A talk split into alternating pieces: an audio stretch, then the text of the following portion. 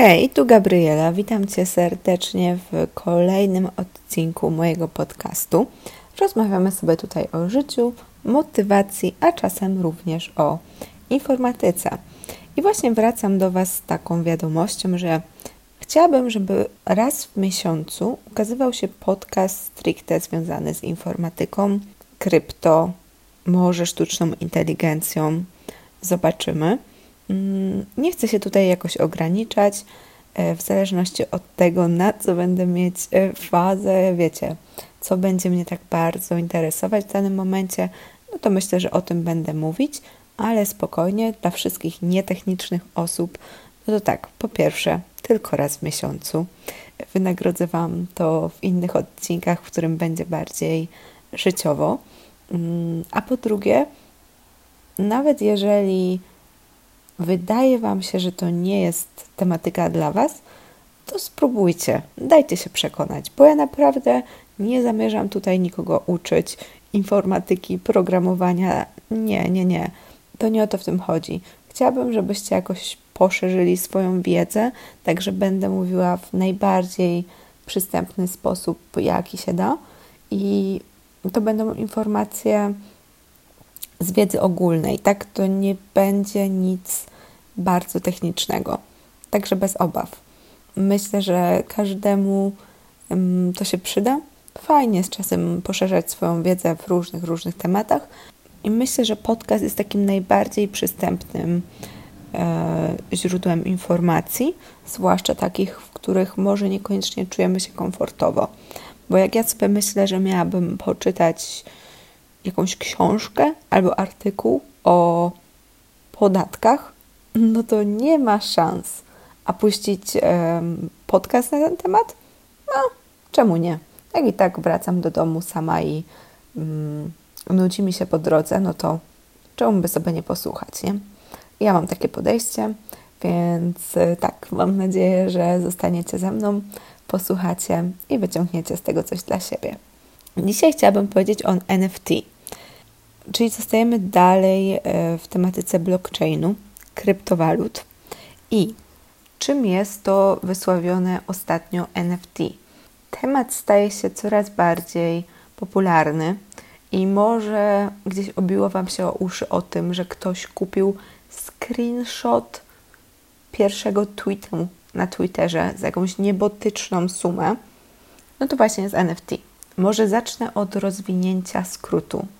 NFT to jest Non-Fungible Token – i tłumacząc na polski, mm, fungible, non-fungible oznacza niezbywalny. Czasem tłumaczy się też jako niewymienialny, czyli jedyny w swoim rodzaju. Na przykład pieniądze są wymienialne. Złotówka to złotówka. Mamy dużo złotówek. A obrazy kolekcjonerskie, no to już są jedyne w swoim rodzaju. Oczywiście są podróbki, ale oryginał jest zawsze jeden. Można o tym myśleć jako o certyfikacie na jakiś przedmiot, który może być albo cyfrowy, albo materialny. A co to ma do blockchainu? Ano tyle, że samo NFT jest rodzajem tokenu kryptograficznego, który to działa w oparciu o blockchain, dzięki czemu bardzo prosto można go zweryfikować. I tutaj bardzo trudno jest jednoznacznie mm, wskazać, jaki projekt był pierwszy, ale na pewno dużą popularnością mm, swego czasu cieszyły się CryptoKitties. One działają na Ethereum. I to była taka gra, w której mogliście hodować kotki, adoptować je, handlować nimi generalnie. I tak naprawdę dopiero w tym roku temat wrócił z powrotem na salony, ponieważ yy, jakoś na początku 2021 roku e, artyści, influencerzy zaczęli wypuszczać swoje własne tokeny, które mogą być na przykład certyfikatami ich dzieł. I teraz chciałabym rozróżnić dwie kwestie. Pierwsza sprawa. Dla osób, które chcą kupować kryptowaluty, mm, to dwa najciekawsze projekty, o których przynajmniej ja słyszałam. Jeżeli słyszeliście o jakichś ciekawszych no to mm, dajcie znać. To jest NA Coin i Chills. Oczywiście, że one ostatnio spadły. Nie wiem, kiedy słuchacie tego podcastu, ale mamy czerwiec 2021 i wszystko poszło w dół, więc one również, ale no, wcześniej radziły sobie całkiem nieźle. I tutaj taka kluczowa różnica. Co innego jest kupić ten token NFT, a czym innym jest inwestowanie w te projekty. Bo te właśnie dwa projekty, które wymieniłam, one umożliwiają handel NFT. I możemy albo wspierać, powiedzmy, no, inwestować w te projekty, albo w to, co one tworzą, tak? E, tak jak mamy firmę, która produkuje ubrania, to możecie albo kupić akcje tej firmy, albo kupić ich ubrania, nie? To są zupełnie dwie inne rzeczy. I to chciałabym podkreślić. No i drugą rzecz, którą chciałabym zaznaczyć, kupowanie takiego certyfikatu na jakąś rzecz nie oznacza, że mamy do niej prawa autorskie. Czyli jeżeli załóżmy piłkarze, o, na przykład Legia Warszawa wypuściła swój token, to nie znaczy, że kupując go ktoś ma prawo do nich i mu, może mówić im, co mają robić. Wiecie, no nie. Tak samo kupując NFT jakiejś, e, jakiegoś obrazu, to nie znaczy, że możecie sobie potem e, drukować koszulki z tym obrazem. Często są takie, powiedzmy, pakiety, że jedno łączy się z drugim, ale to nie jest z automatu.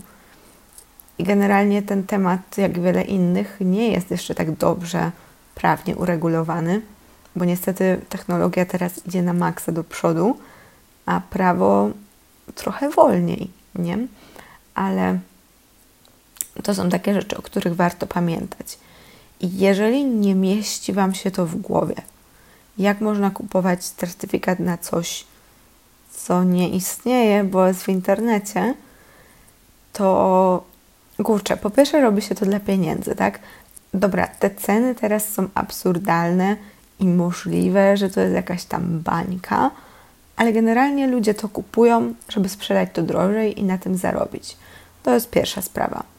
Ale druga sprawa, jak sobie w ogóle to ułożyć w głowie, co to takiego jest i dlaczego ktoś chce kupować coś, co nie istnieje.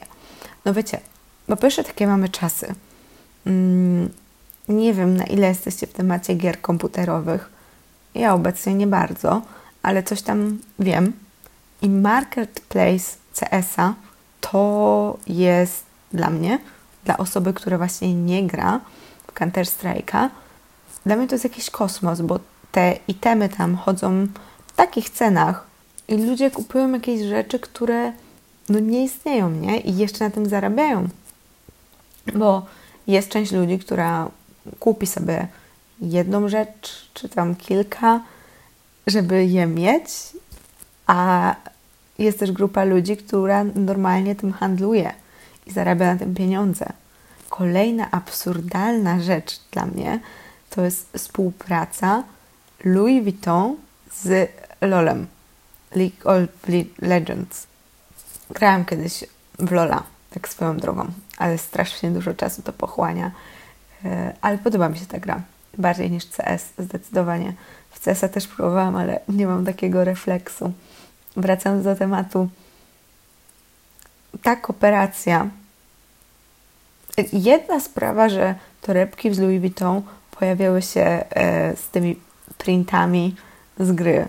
I to było strasznie brzydkie według mnie, ale dobra, kwestia gustu i, i to jest w miarę normalne. No. Jesteśmy przyzwyczajeni do takich e, serii limitowanych.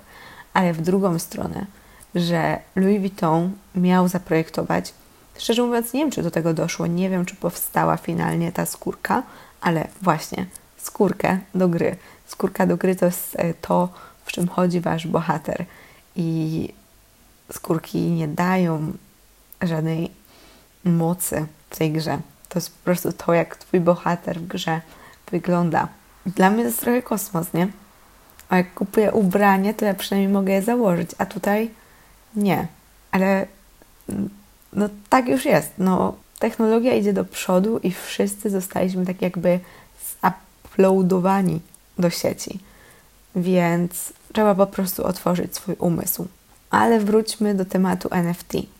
Najfajniejsze porównanie, które słyszałam, to porównanie zakupu takiego cyfrowego certyfikatu do zakupu w dawnych czasach e, tytułu do ziemi. W Anglii kiedyś można było sobie wykupić tytuł Lord of the Manor i to nie oznaczało, że taki człowiek był właścicielem ziemi, oznaczało po prostu, że on miał do niej tytuł i mógł tym tytułem szpanować. Mógł kazać innym zwracać się do siebie takim przedrostkiem. Ale nie mógł powiedzieć ludziom, żeby wynieśli się ze swoich domów, bo on tu buduje swoją willę.